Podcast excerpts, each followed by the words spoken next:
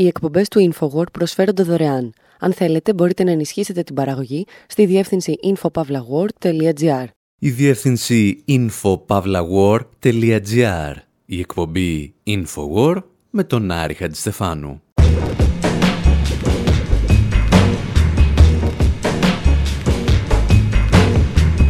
Όπου σήμερα ανακατεύουμε αποσπάσματα εκπομπών και ιδεών που έχουμε μοιραστεί μαζί σας τα τελευταία 10 χρόνια με την ελπίδα να μάθουμε να σκεφτόμαστε λίγο διαφορετικά για τις εξελίξεις της επικαιρότητας.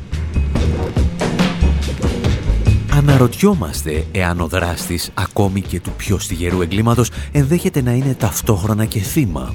Κυρίως όμως εάν ένα ισχυρό κράτος πρόνοιας θα μπορούσε να είχε σώσει τα πραγματικά θύματα και να αποτρέψει το έγκλημα. Για να γίνουμε πιο κατανοητοί, επιστρέφουμε στην ιστορία του απόλυτου κακού, του Τζόκερ του Batman και υποπτευόμαστε ότι ο άνθρωπος που όπλιζε το χέρι του ήταν ο Ρόναλντ Ρίγκαν. Και ύστερα παρακολουθούμε μερικά ιστορικά παραδείγματα από εκείνες τις στιγμές που ο όχλος βγαίνει στο δρόμο κραδένοντας πυρσούς για να κάψει ζωντανές τις μάγισσες. Σκεφτόμαστε μήπως αυτός ο όχλος είναι απλώς ένα καθρέφτισμα της κοινωνίας και αν η ελίτ τυχαίνει να συμφωνούν και να καθοδηγούν τον όχλο. Και μαζί με όλα αυτά αναρωτιόμαστε τι μπορεί να σημαίνουν οι μάγισσες κάθε εποχής.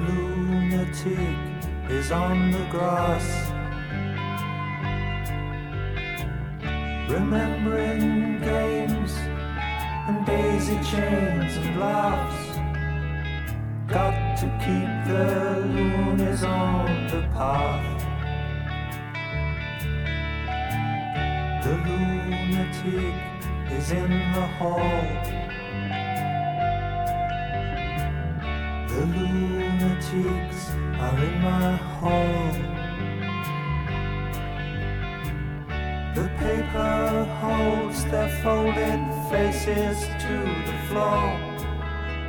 And every day the paper boy brings more.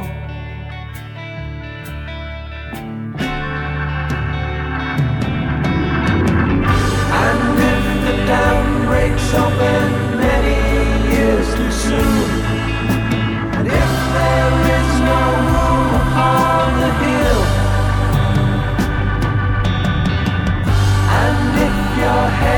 head explodes with dark too, I'll see you on the dark side of the moon.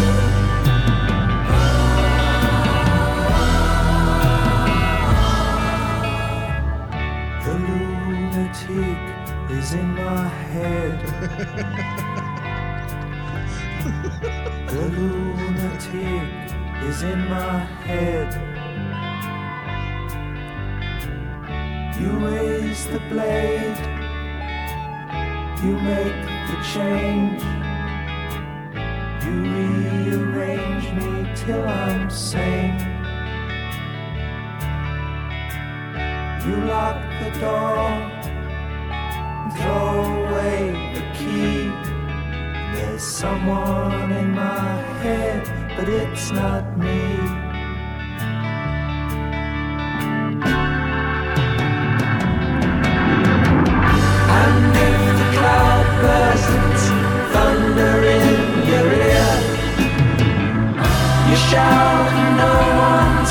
Και αν η παντρία που είναι παντρία, θα δούμε και τι παντρίε που είναι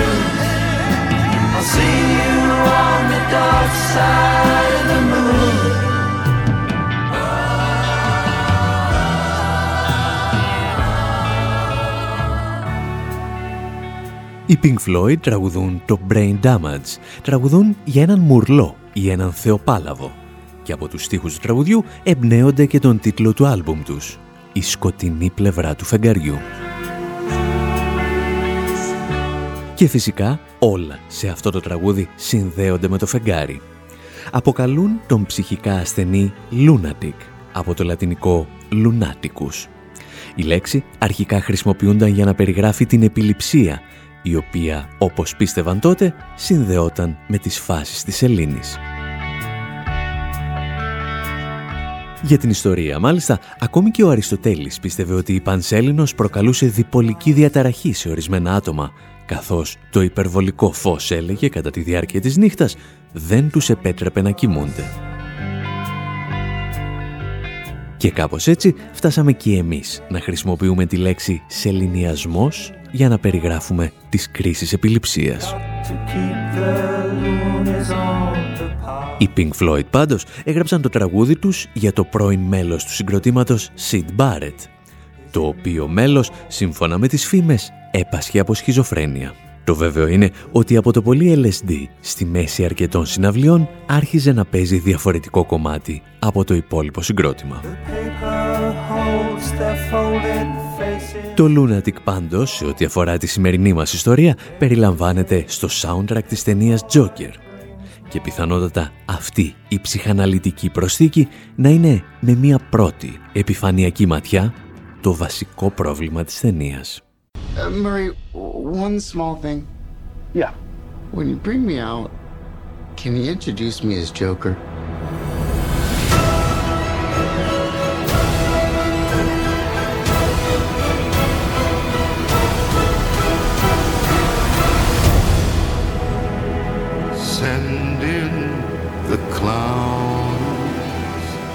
Ιστορία του Τζόκερ, χωρίς να σας προδώσουμε κάτι ιδιαίτερα σημαντικό από την πλοκή, αφορά έναν επαγγελματία κλόουν που ζει στην Gotham City. Μια πόλη την οποία ο σκηνοθέτης Todd Phillips δεν πραγματοποιεί καμία προσπάθεια να κρύψει ότι είναι η Νέα Υόρκη των αρχών της δεκαετίας του 80.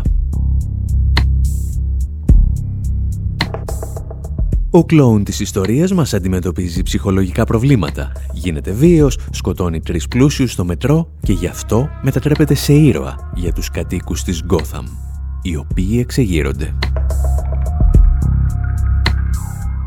Μια ταινία όμως για έναν ψυχοπαθή δολοφόνο δεν είναι αρκούντος πολιτική για να ασχοληθούμε μαζί της. Ο σκηνοθέτης όμως το σώζει στο παραπέντε. Ο Άρθουρ Φλεκ, δηλαδή ο Τζόκερ, παρακολουθείται από μια κοινωνική λειτουργό, ενώ το κράτος του προσφέρει θεραπεία και τα φάρμακα που χρειάζεται. Μέχρι τη στιγμή που του ανακοινώνεται ότι η παρακολούθηση και τα χάπια κόβονται.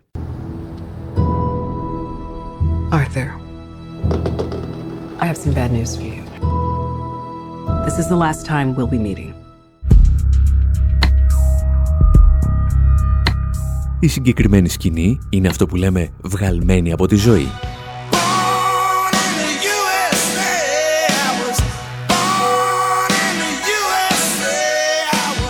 Έχουμε επιστρέψει στην καταραμένη δεκαετία του 80 με πρόεδρο των Ηνωμένων Πολιτειών, τον Ρόναλτ Ρίγκαν. Για την ιστορία, ο συγκεκριμένος πρόεδρος ήθελε να χρησιμοποιήσει και το τραγούδι που ακούτε στις προεκλογικές του εκστρατείες, αλλά ο Bruce Springsteen του απάντησε «Μόνο πάνω από το πτώμα μου». Ο Ρίγκαν θα αρχίσει να διαλύει το μεταπολεμικό σύστημα υγείας των ΗΠΑ και ανάμεσα στις πολλές αποφάσεις του είναι να κλείσει και εκατοντάδες κέντρα υποδοχής ανθρώπων με ψυχικές διαταραχές. Η πολιτική αυτή θα συνεχιστεί τη δεκαετία του 90 και θα λάβει δραματικές διαστάσεις την πρώτη δεκαετία του 21ου αιώνα, μαζί με τη νέα οικονομική κρίση. In 1988, President Reagan slashed federal mental health spending by 25%. So, where do people end up? Το 1988 ο πρόεδρος Ρίγκαν έκοψε τις ομοσπονδιακές δαπάνες για την ψυχική υγεία κατά 25%, που κατέληξαν όμως όλοι αυτοί οι άνθρωποι, για πολλούς από αυτούς το τέλος βρισκόταν σε φυλακή. Μέχρι το 2012 υπήρχαν πλέον 10 φορές περισσότεροι ψυχικά ασθενείς σε φυλακές από ό,τι σε κρατικά κέντρα νοσηλείας. Σήμερα 400.000 ενήλικοι με ψυχικές ασθένειες βρίσκονται στη φυλακή χωρίς ψυχολογική υποστήριξη.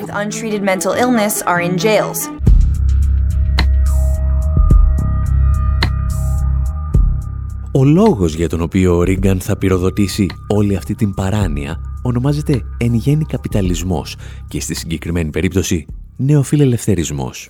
Government is not the solution to our problem. Government is the problem.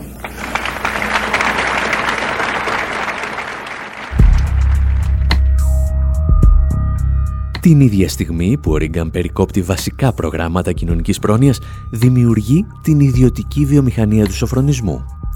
Άνθρωποι που θα έπρεπε να είναι ασθενείς των κρατικών δομών υγείας γίνονται πελάτες των ιδιωτικών φυλακών. Τα εξηγούσε παλαιότερα και η Άντζελα Ντέιβις, μιλώντας στο Democracy Now! The connections that we begin to see οι παράγοντες που συνδέονται με αυτή την κατάσταση εμφανίζονται στις αρχές δεκαετίας του 80, την εποχή δηλαδή που τα προγράμματα κοινωνικής πρόνοιας διαλύονται και που ξεκινάει η παγκοσμιοποίηση του κεφαλαίου. Τα χρήματα αντί να καλύπτουν τις ανάγκες των ανθρώπων, κατευθύνονται σε περιοχές του κόσμου με αυξημένη κερδοφορία. Συνεπώς δεν υπάρχουν πόροι για την υγεία ή για επιδόματα στέγασης. Οι άνθρωποι δεν έχουν σπίτια γιατί δεν έχουν δουλειά, αφού τα εργοστάσια έχουν μεταφερθεί στον παγκοσμιοποιημένο Νότο. Κάποιοι αποφασίζουν τότε να χτίσουν περισσότερες φυλακές για όσους δεν έχουν πλέον δουλειά, δεν έχουν πρόσβαση στην εκπαίδευση, στην πρόνοια και στο σύστημα υγείας.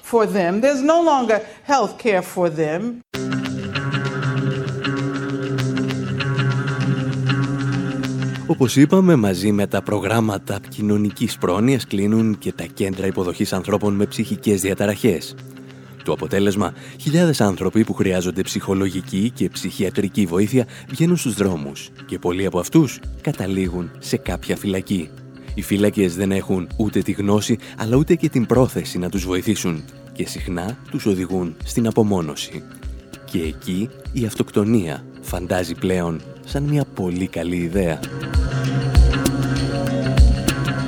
Μόνο που αυτή τη φορά έρχεται στην πολύ πιο σκοτεινή εκτέλεση του Μέριλεν Μάνσον.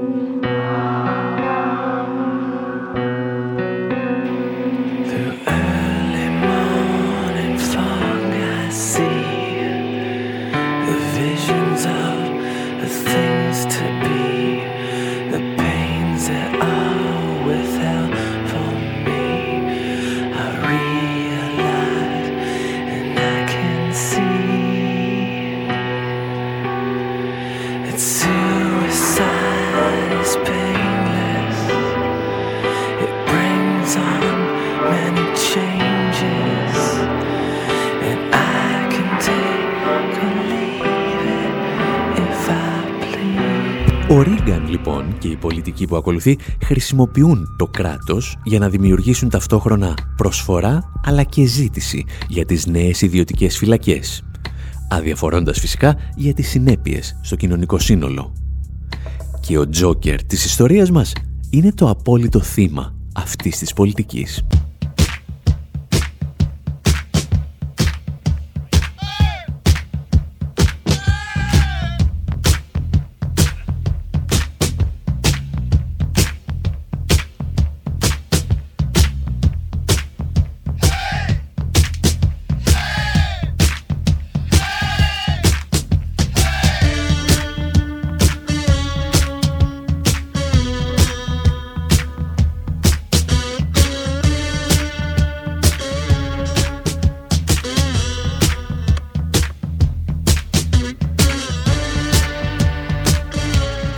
Στην εκπομπή Infowar με τον Άρη Χατζηστεφάνου συζητάμε για δράστες εγκλημάτων οι οποίοι θα έπρεπε να είχαν λάβει την πρόνοια και την μέρημνα του κράτους και αντί γι' αυτό αφέθηκαν να μετατραπούν σε εγκληματίες είτε μέσα είτε έξω από κάποια φυλακή.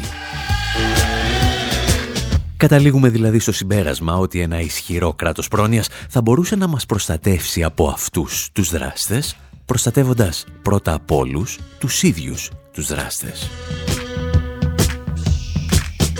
Το νέο ερώτημα που γεννιέται όμως είναι τι γίνεται όταν αυτή η διαδικασία αποτυγχάνει και όταν ένα μανιασμένο πλήθος βγαίνει στο δρόμο νομίζοντας ότι μπορεί και ότι δικαιούται να αποδώσει δικαιοσύνη. Στο δεύτερο μέρος της εκπομπής θα σας διηγηθούμε ιστορίες για μάγισσες και για πογκρόμ και θα υποστηρίξουμε ότι σε ορισμένες περιπτώσεις ο τρισκατάρατος όχλος δεν έκανε τίποτα περισσότερο από το να αντιγράφει ή ακόμη και να ακολουθεί τις εντολές των ελίτ.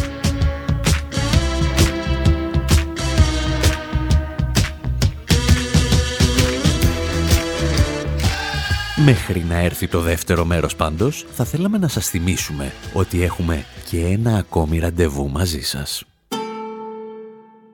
Το ταξίδι είναι σαν το κρασί. Και πίνεις και δεν μπορείς να μαντέψεις τι οράματα θα κατέβουν στο κεφάλι σου. Τελευταίο ταξίδι. Ένα ντοκιμαντέρ του Άρη Χατζηστεφάνου στα βήματα του Νίκου Καζατζάκη.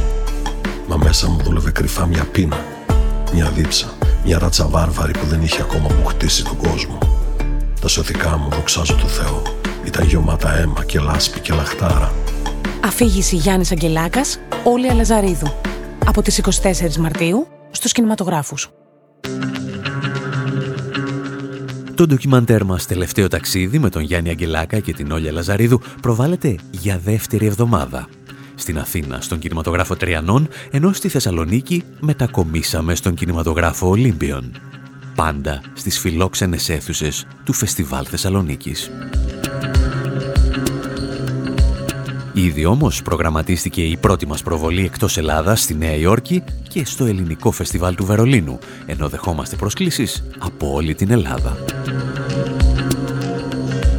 Και αν δεν ξέρετε για τι πράγμα μιλάμε, πριν από περίπου δύο χρόνια πήραμε μία κάμερα και ακολουθήσαμε τα βήματα του Νίκου Καζαντζάκη σε δύο ταξίδια που πραγματοποίησε στην Ιαπωνία πριν και μετά το Δεύτερο Παγκόσμιο Πόλεμο. Τον είδαμε να προβλέπει τη μετατόπιση των γεωπολιτικών συγκρούσεων στην Ασία, αλλά και να χάνεται στη Γιωσιβάρα, τη γειτονιά με τα κόκκινα φανάρια του Τόκιο. Την ίδια ακριβώς γειτονιά που πριν από έναν αιώνα ενέπνευσε και τον Φρίτς Λάγκ στην ταινία του «Μετρόπολης». Παρακολουθήσαμε επίσης τον Νίκο Καζαντζάκη να εγκαταλείπει τον βουδισμό για έναν ελαφρώς πιο γήινο Θεό και τον αφήσαμε να κάνει ρεπορτάζ για τις φάμπρικες του 20ου αιώνα και τη διαμοιραστική οικονομία του 21ου αιώνα.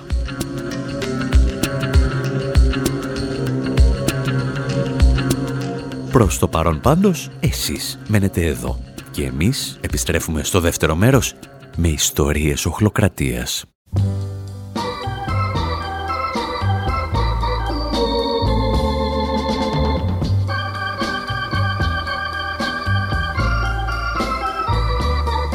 That's life. That's life. That's what all the people say. You're riding high in April, shot down in May. But I know I'm gonna change that tune. When I'm back on top, back on top in June. I said that's life. And as funny as it may seem, some people get their kicks stomping on a dream. But I don't let it, let it get me down. Cause this fine old world, it keeps spinning around. I've been a puppet, a pauper, a pirate, a poet, a pawn and a king. I've been up and down and over and out. And I know one thing.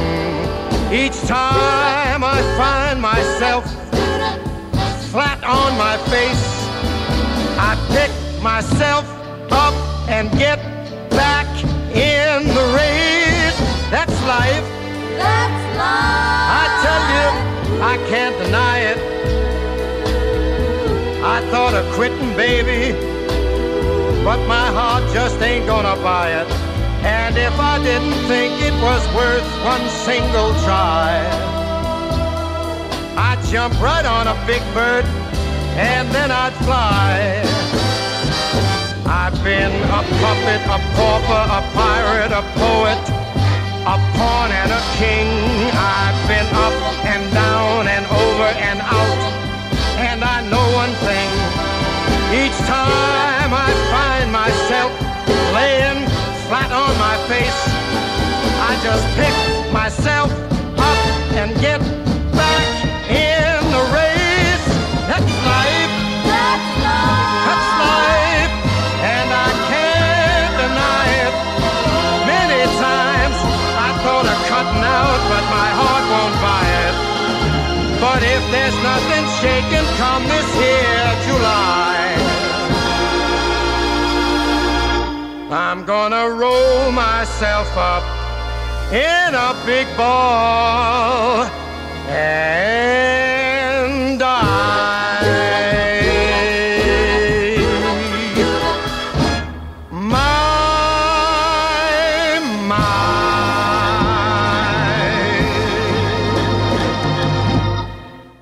Οι εκπομπές του InfoWord προσφέρονται δωρεάν. Αν θέλετε, μπορείτε να ενισχύσετε την παραγωγή στη διεύθυνση infopavlagor.gr.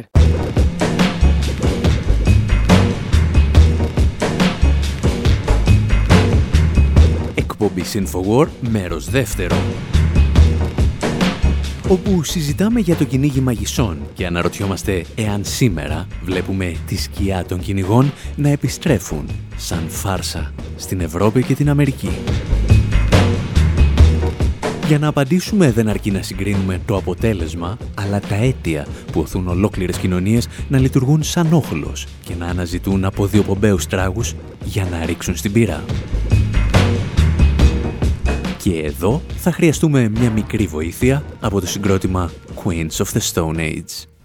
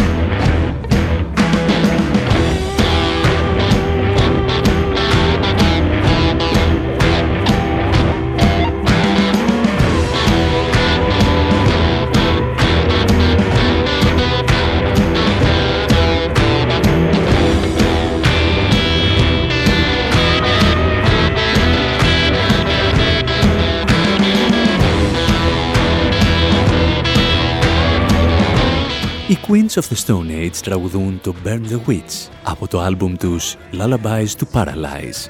Δηλαδή, ένα συγκρότημα που λέγεται Βασίλισσες της Λίθινης Εποχής έβγαλε ένα άλμπουμ με τον τίτλο «Νανουρίσματα για να παραλύσεις» και μέσα έχει ένα τραγούδι με τον τίτλο «Κάψε τη μάγισσα». Ο όχλος τραγουδούν οι Queens of the Stone Age διψά για αίμα και καίει τις μάγισσες μέχρι να φανούν τα κόκαλά τους από τη φωτιά. Εάν και δεν μπορείς να τους κατηγορήσεις για fake news, οι Queens of the Stone Age παρουσιάζουν μια καρικατούρα της εκτέλεσης ανθρώπων που κατηγορούνταν για μαγεία. Καταρχήν, το κάψιμο δεν αφορούσε αποκλειστικά γυναίκες, αλλά και άνδρες. Δεύτερον, η πυρά ήταν μια μάλλον εξαιρετική περίπτωση εκτέλεσης. Συνήθως, τα θύματα απαγχωνίζονταν ή εκτελούνταν με άλλες μεθόδους. Το βασικό πρόβλημα όμως είναι η εικόνα του όχλου που εμφανίζεται ως ο μοναδικός υπεύθυνος αυτού του παραλογισμού. Η εικόνα που έχουμε σήμερα για το κυνήγι μαγισσών είναι ότι το αμόρφωτο και απέδευτο πλήθος του Μεσαίωνα που καθοδηγούνταν από προκαταλήψεις και τα δόγματα της Εκκλησίας έχανε κάθε έλεγχο και προχωρούσε σε σχεδόν παγανιστικές μορφές ανθρωποθυσίας. Όπως εξηγούσε όμως πρόσφατα η σπουδαία Ιταλίδα ακαδημαϊκός Σίλβια Φεντερίτσι, οι προκαταλήψεις και η Εκκλησία είχαν εν τέλει δευτερεύοντα ρόλο στο κυνήγι των μαγισσών. The witch hunt had very little to do with the religious superstition, which often, at least in the past, το κυνήγι μαγισσών έχει πολύ μικρή σχέση με τις θρησκευτικές προκαταλήψεις. Αυτή ήταν όμως η κυρίαρχη αντίληψη στο παρελθόν και στα χρόνια του διαφωτισμού, ειδικά στα τέλη του 18ου αιώνα, όταν αρχίζει να υποχωρεί το κυνήγι μαγισσών σε ολόκληρη την Ευρώπη. Στα πρώτα χρόνια του διαφωτισμού, συνέδεαν το φαινόμενο μόνο με τις προκαταλήψεις και το ρόλο της Εκκλησίας, και συνεπώς πίστευαν ότι ανήκει πλέον στο παρελθόν. Παρά το γεγονός λοιπόν ότι αποτέλεσε ένα τεράστιο και φρικτό φαινόμενο διωγμών για έναν αιώνα, πολύ λίγοι ιστορικοί το πήραν σοβαρά για να μελετήσουν αυτή την περίοδο και αυτούς τους διωγμούς.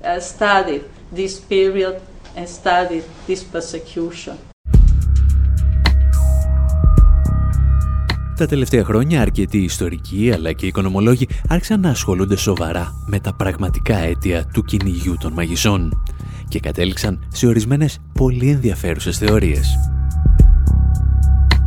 Σύμφωνα με την Αμερικανίδα οικονομολόγο Έμιλι Όστερ, το κυνήγι μαγισσών στο Μεσαίωνα συνέπεσε με οικονομικά σοκ που προκαλούνταν από εξωγενείς παράγοντες. Η ίδια εξέτασε τη λεγόμενη μικρή εποχή των παγετώνων, δηλαδή την αισθητή πτώση της θερμοκρασίας και τη συνακόλουθη μείωση της γεωρικής παραγωγής, που ξεκίνησε από τα μέσα του 13ου αιώνα. Η μικρή εποχή των παγετώνων προκάλεσε ραγδαία πτώση του βιωτικού επίπεδου και την ίδια ακριβώς εποχή κάνει την εμφάνισή του το κυνήγι των μαγισσών. Ένα κυνήγι που μέσα στους επόμενους αιώνες θα στοιχήσει τη ζωή ενός εκατομμυρίου ανθρώπων στην Ευρώπη. Η Έμιλι Όστερ κινείται σίγουρα στη σωστή κατεύθυνση, αναζητώντας οικονομικά και κοινωνικά αίτια στο κυνήγι των μαγισσών. Ξεχνά όμως να εξετάσει τις σχέσεις παραγωγής. Και εδώ χρειαζόμαστε το βάρος μιας ακαδημαϊκού σαν την Σίλβια Φεντερίτσι, η οποία έχει φάει τα νιάτα της στη μελέτη του μαρξισμού και του ριζοσπαστικού φεμινισμού. First of all, the fact that this witch hunt took place very much at the same time το κυνήγι μαγισσών σε μεγάλο βαθμό συνέπεσε χρονικά με το εμπόριο σκλάβων. Συνέπεσε επίσης με τη μαζική απομάκρυνση των αγροτών από τα χωράφια τους. Τέλος, συμπίπτει χρονικά και με την περίοδο που ξεκινάει η απεικιοκρατία. Η περίοδος που κλιμακώνεται το κυνήγι μαγισσών είναι η περίοδος από το 1550 μέχρι το 1650. Στη διάρκεια αυτού του αιώνα πραγματοποιούνται δεκάδες δίκες σε ολόκληρη την Ευρώπη. Αυτή η χρονική σύμπτωση των γεγονότων είναι αποκαλυπτική, γιατί δείχνει ότι το κυνήγι μαγισσών εντάθηκε όταν οι φεουδαρχικές σχέσεις παραγωγής υποχωρούσαν και ξεκινούσε η καπιταλιστική ανάπτυξη. Αυτοί που καθορίζουν την παραγωγή και την πολιτική οικονομία είναι οι λεγόμενοι πρωτοκαπιταλιστές. Δεν εξαρτώνται πλέον από την πρόοδο της γης, αλλά από την επιχειρηματικότητα και τη δημιουργία μιας νέας οικονομίας της αγοράς. Υπό μια έννοια, λοιπόν, το κυνήγι μαγισσών συμπίπτει με τη δημιουργία της οικονομίας της αγοράς. Και αυτό δημιουργεί την ανάγκη να καταλάβουμε ποια είναι η μεταξύ τους σχέση. This, in my view, poses the need to understand what is the relationship. Η Φεντερίτσι περνά κατευθείαν στην ουσία του ζητήματος. Το κυνήγι μαγισσών, λέει, δεν το γέννησε η Εκκλησία και οι προκαταλήψεις, αλλά η εμφάνιση του καπιταλισμού. Στο βιβλίο της, ο Κάλιμπαν και η Μάγισσα θα εξετάσει σε βάθος αυτή τη σχέση. Και εμείς θα πάρουμε μια μικρή γεύση από τα συμπεράσματά της, ύστερα από ένα μικρό διάλειμμα μαύρης μαγείας με τους Cramps. Satan, baby, Satan.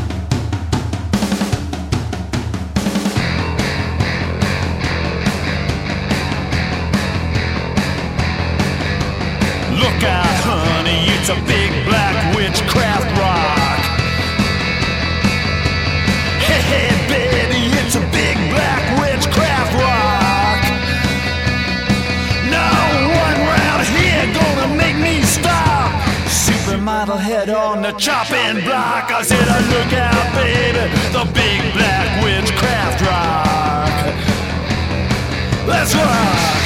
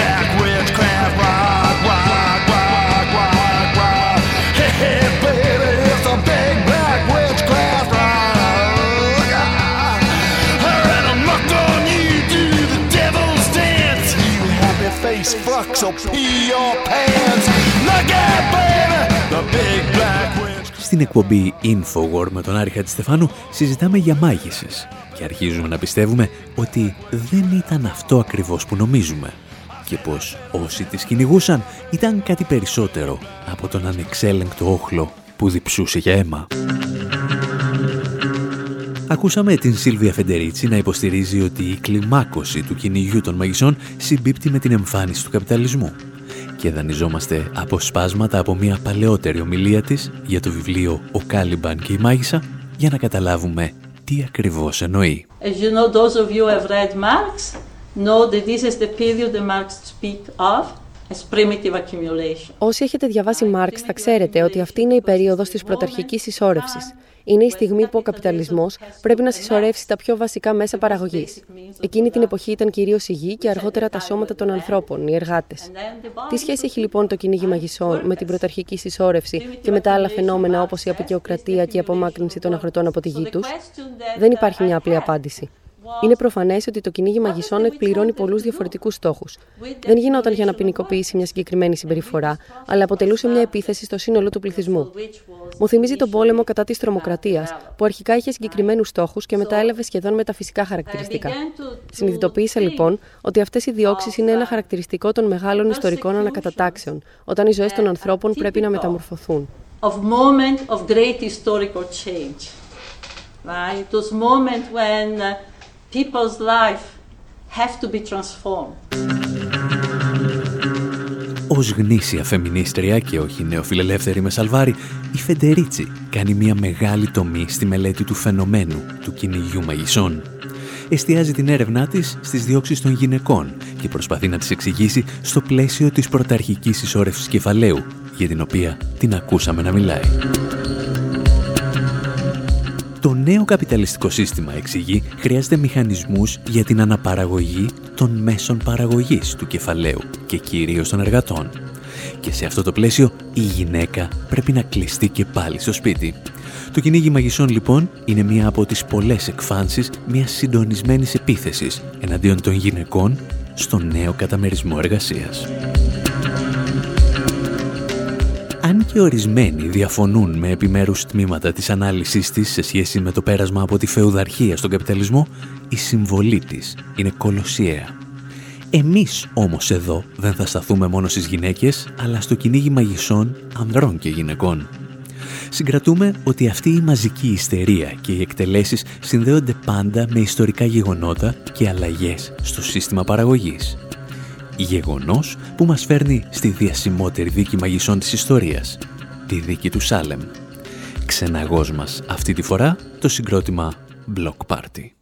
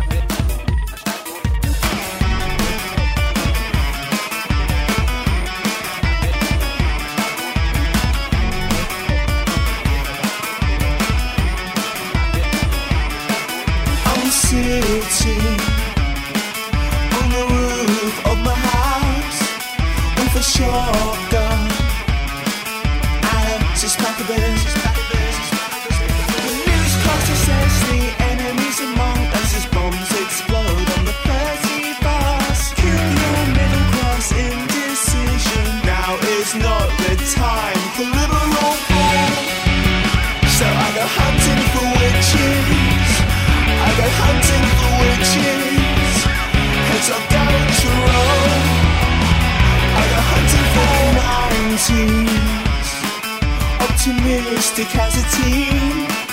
Now it's terror. Airplanes crash into town. The Dano says the enemy's among us, taking our women and taking our jobs. The reasonable fool is being drained by the non-stop bang, bang, bang the ground. So are they hunting for witches. Are they hunting for witches.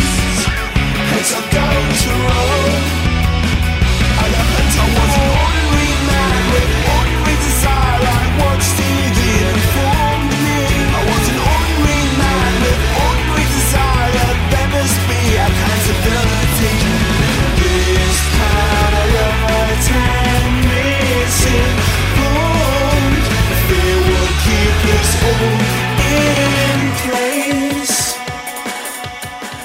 Block Party τραγουδούν για το κυνήγι μαγισσών στις Ηνωμένες Πολιτείες και τις περίφημες δίκες του Σάλεμ, μόνο που συνδέουν την ιστορία τους με το κυνήγι των μεταναστών που πραγματοποιεί η Ευρώπη. Οι δίκες του Σάλεμ πάντως που αφορούν εμάς ξεκινούν τον Φεβρουάριο του 1692 και ολοκληρώνονται ένα χρόνο αργότερα. 20 άνθρωποι απαγχωνίζονται με την κατηγορία της μαγείας, ενώ 5 ακόμη αφήνονται να πεθάνουν στη φυλακή ανάμεσά τους και δύο βρέφη. Το περιστατικό θα καταγραφεί στο συλλογικό υποσυνείδητο σαν μια υπόθεση μαζικής ιστερίας, κάτι σαν ένας λόξιγκας της ιστορίας. Και έτσι ο φάκελος θα κλείσει. Ίσως γιατί για άλλη μια φορά κανείς δεν ήθελε να αναζητήσει τις δυνάμεις που προκάλεσαν αυτή την ιστερία. Σύμφωνα με τους ιστορικούς Πολ Μπόγερ και Στέφεν Νίσενμπαουμ, οι λόγοι που τροφοδότησαν τις δίκες του Σάλεμ ήταν και πάλι οικονομικοί. Εκείνη την εποχή στις Ηνωμένες Πολιτείες συγκρούονταν οι παλαιές δυνάμεις της γεωργικής παραγωγής με τους ανερχόμενους κυρίαρχους κύκλους του εμπορικού καπιταλισμού. Ο νέος κόσμος γνώριζε με μια μικρή καθυστέρηση σε σχέση με την Ευρώπη τη γέννηση ενός νέου οικονομικού συστήματος που άλλαζε τους όρους ζωής για εκατομμύρια ανθρώπους. Μεταξύ άλλων βρισκόταν σε εξέλιξη και μια μαζική ακύρωση τίτλων ιδιοκτησίας γης, η οποία μετέτρεψε χιλιάδες αγρότες σε ακτήμονες εργάτες. Και πάνω σε αυτή την εκρηκτική βάση στήθηκε άλλο ένα κυνήγι μαγισσών.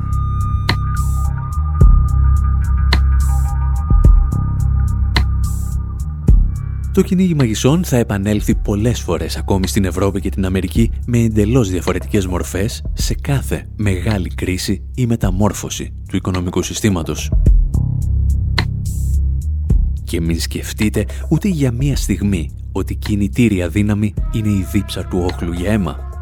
Όπως μας δίδαξαν και οι Monty Python, αυτός που δίνει τελικά την εντολή να καεί μια γυναίκα, γιατί ζήγιζε όσο μια πάπια και συνεπώς ήταν φτιαγμένη από ξύλο, δεν ήταν ο όχλος, αλλά ένας υπότης. Η οικονομική και πολιτική ελίτ της εποχής του. Εμείς όμως με τέτοιου είδους ασυνάρτητες ιστορίες σας αφήνουμε και για αυτή την εβδομάδα. Από τον Άρη Στεφάνου στο μικρόφωνο και τον Δημήτρη Σταθόπουλο στην τεχνική επιμέλεια, γεια σας και χαρά σας.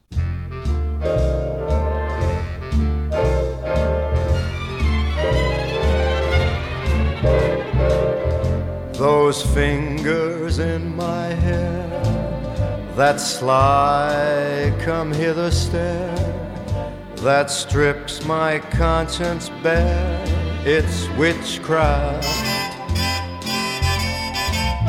And I've got no defense for it. The heat is too intense for it. What good would common sense for it do? Cause it's witchcraft, wicked witchcraft. And although I know it's strictly taboo. When you arouse the need in me, my heart says yes, indeed, in me. Proceed with what you're leading me to. It's such an ancient pitch, but one I wouldn't switch. Cause there's no nicer witch than you.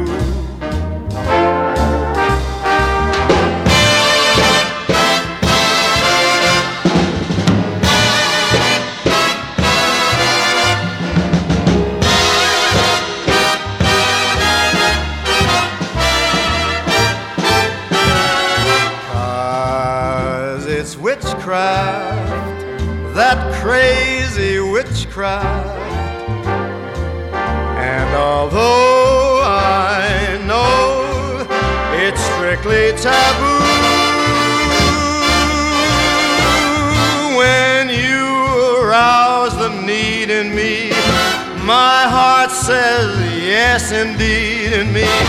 Proceed with what you're leading me to.